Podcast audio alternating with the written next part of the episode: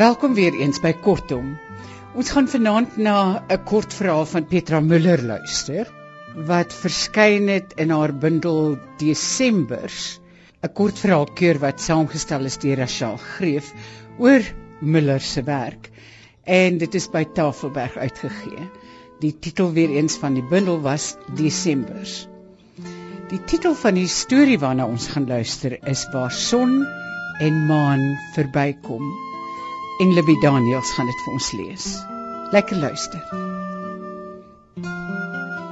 Dit was 'n toeval van my werk wat my by die egpaar tuisgebring het. Ek het daardie somer taalnavorsing gedoen na Nama woorde wat in Afrikaans oorgegaan het.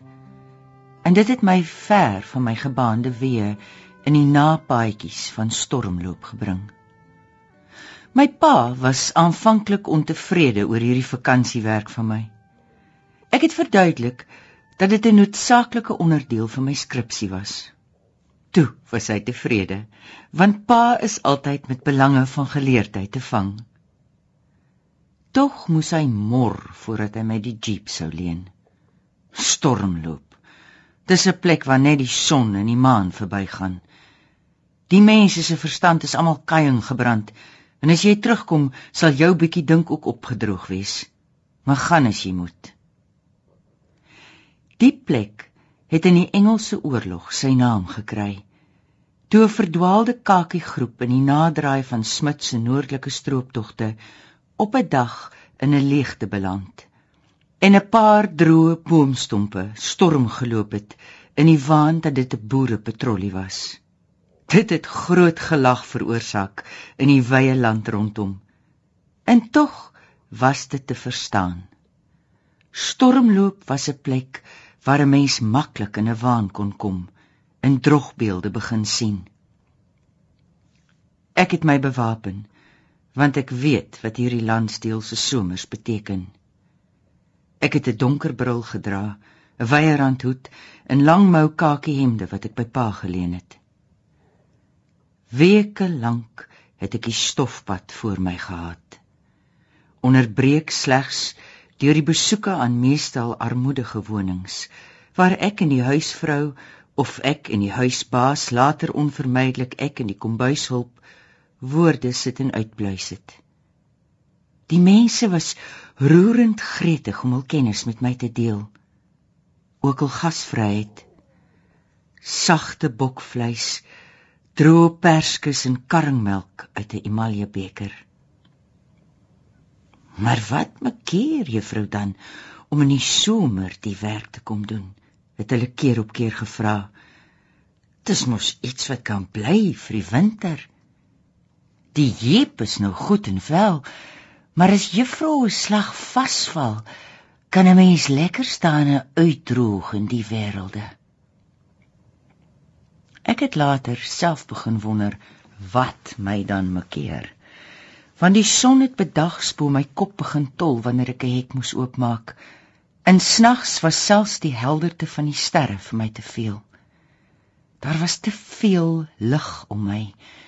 Dit het selfs vroegoggend en laatmiddag wanneer ek die donker bril afhaal, my oë gepynig. Ek het klippers in die opgeefsel sien beweeg van een plek na 'n ander en aan die kakies in die oorlogstyd gedink.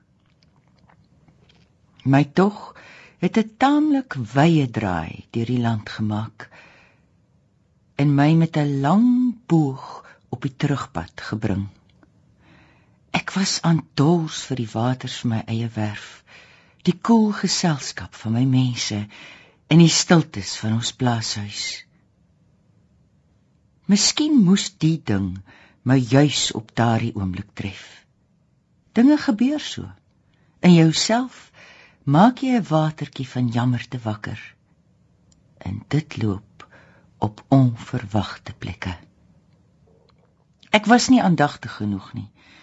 My vinger het verkeerd oor die kaart geloop en ek het verdwaal. Teen die middag, toe die besie se gesang soos die klank van eyster uit die klippe opslaan, staan ek voor 'n hek in die skaduwee van my hoed, roerloos en huil. Ek is verdwaal. In 'n bittere jammerte vir al wat sweet het om te gee in hierdie son het my week gemaak sodat my eie eensaamhede vir my duidelik word ek maak die hek oop en volg blindelings die pad met die jeep toe daar 'n bietjie genade van skemering kom ry ek 'n werf binne waar 'n enkele man tussen die ou ploë en afgetakelde implemente staan. Hy is geheel die kleur van die veld. 'n Kakie hoed, geel vaal hare, verweerde kakie broek, bruin skoene en bruin leer gordel. Soos ek is hy bloedrooi verbrand tot in die keep van die hempskraag. En toe ek my verdwaling aankondig, kom daar 'n bietjie blou van sy oë te voorskyn tussen die val wimpers en neergetrekte vinkbroue. Dit is die blou van diep water in koeltes van rots. Ja, sê hy stadig. Juffrou is heeltemal op die verkeerde pad. Kom in by ons. My vrou sal wel 'n slaapplekkie vir juffrou hê. Ek merk dat hy nie klinkers sleep soos die meeste ander mense nie.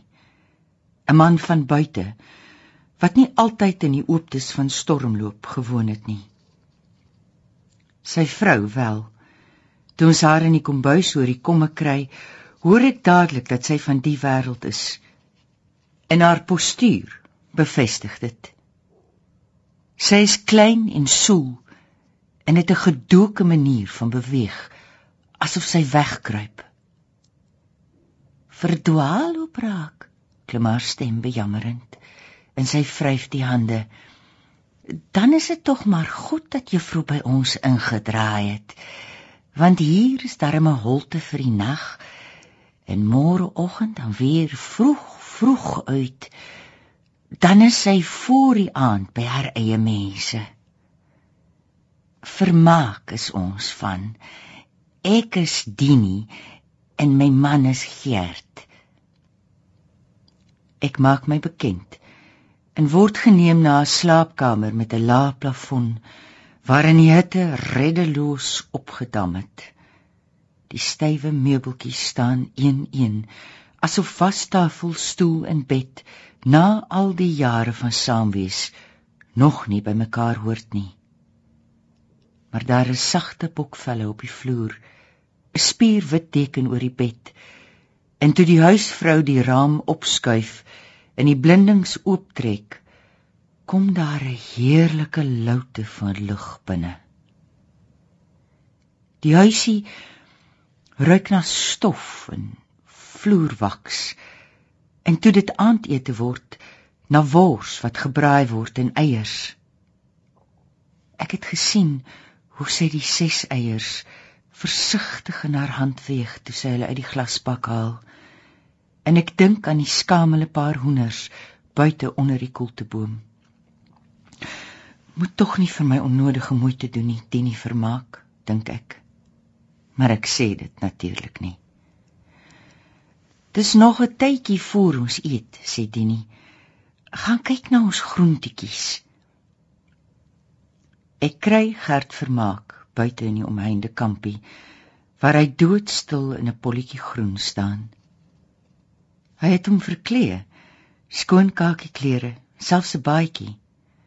Sonder sy hoed is sy kop hoog en lank, sy hare verbasend blond.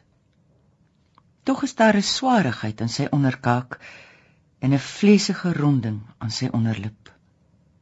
Langs hom lê pampoene en klein groen skorsies. Daar is ook rankbone. Hy buik en pluk vyf ewe groot ryp tomaties van 'n enkele stoel af. Toe hy my sien, kom hy oorent, maar sê niks. Dis ons plesier in die lewe, roep Dini agter my aan. Sodat jy kan sien dat ons darm nie net met klippers boer nie. Sy wys na die swart eysterklippe wat opgestapel lê in die leegte. Ek lag gedienstig Maar die man gee geen blyke van deelname nie. Hy lig sy kop en kyk weg na die gepunte bergie waar hy die skade weer trek wat oor die werf lê. Ons het 'n soetpoor gehad, sê hy. Dit het met die berg te doen, maar ek weet nie hoe nie. Verlede jaar het ons tot asters en sonneblomme gehad. Daarna sê hy niks meer nie. En toe sy vrou roep vir ete, loop hy met die tomaties knopperig in sy hande voor my uit. Die tomaties eet ons saam met die eiers en wors. Na die ete wil hulle van my werk weet. En ons sit tot laat langs die lampe terwyl ek my fonds van woorde met hulle deel. Die vrou kon nie namataal praat toe sy klein was en sy help met die uitspraak. Maar hy ken die betekenisse in Afrikaans beter as sy. Hy gebruik min woorde, maar sê baie. Ons gaan slaap met die gevoel van baie dinge wat nog meegedeel kon word. Maar sou dit die moeite werd wees? In die nag word ek wakker van iemand wat op my bed leun. Ek wag en hoor swaar asemhaling. Toe slaan ek wild na die bedkassie om lig te maak, maar my hand word vasgevat. Moenie raas nie, sê hy. Ek wil by jou wees. Dit word 'n heftige worsteling waarin ek my skrik teen sy senerige liggaam uitbeklei. Hy steun saggies telkens wanneer ek hom tref, maar hou aan om met paaiende woorde my ledemate vas te gryp. "Wees stil," sê hy. "Ek sal niks aan jou doen nie." Dit voel my of my hart klop die hele huis vol. Hy is sterk en taai, maar hy het my teenstand nie verwag nie. Ek gooi die beddegoed oor hom en spring eenkant toe uit tot by die venster waar ek met my hande op die breë bank gestit staan en wag dat hy weer kom, reg om uit te klim.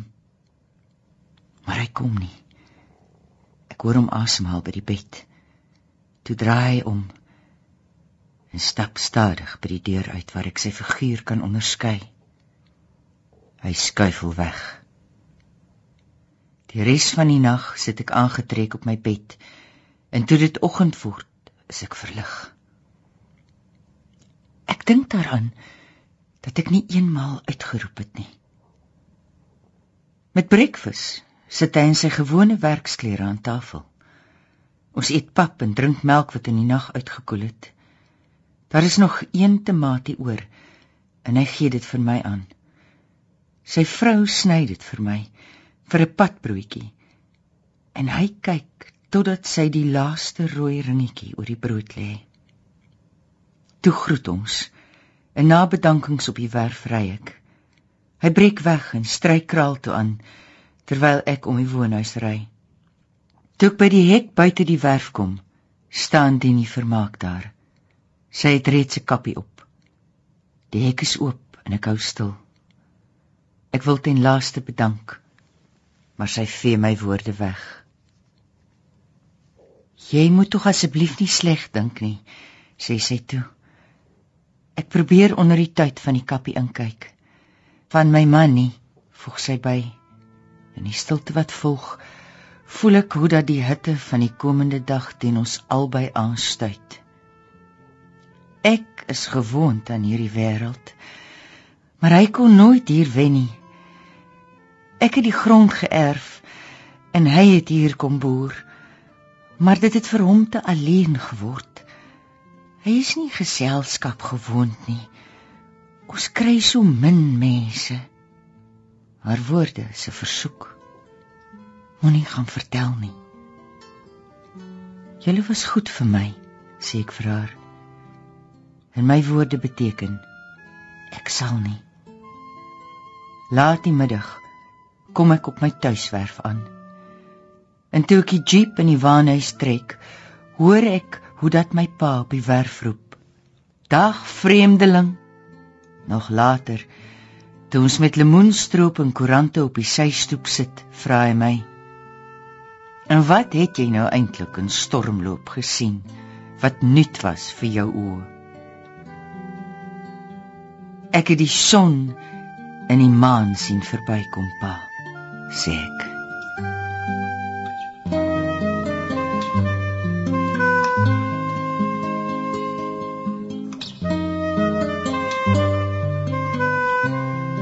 Libby Daniels het vir ons waar son en maan verbykom voorgeles. En dit is 'n verhaal van Petra Müller wat verskyn het in haar bundel Desembers wat 'n kortverhaalkeur is deur Rachel Greef bymekaar gebring vir Tafelberg. Van my Margot Luit alles van die aller aller allerbeste. Tot volgende keer. Mag dit met ons almal baie goed gaan. Totsiens.